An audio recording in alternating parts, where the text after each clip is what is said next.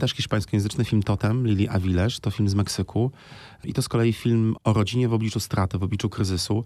Niesamowite, jak w ogóle w tym filmie jest e, konstruowany taki mikrokosmos tej rodziny właśnie, która przygotowuje się do uroczystości rodzinnej.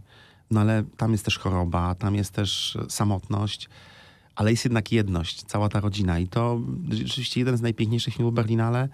Będziemy na pewno pokazywać na Nowych Horyzontach. Kupiliśmy do niego prawa.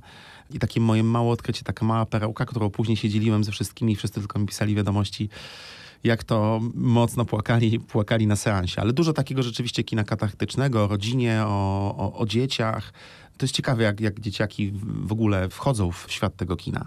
Stają się tematem i takim motorem napędowym filmów, e, jakimś katalizatorem różnych sytuacji, które się pokazuje na ekranie. Tak jakbyśmy my, dorośli, y, dotarli do takiego etapu, w którym traktujemy dzieci poważnie. Tak, tak, tak, tak, dokładnie. Oczywiście to nie są filmy dla dzieci, to są filmy dla, Tak, tak. też dla dorosłych, ale które przeżywamy. No teraz na ekranach jest blisko chociażby, tak?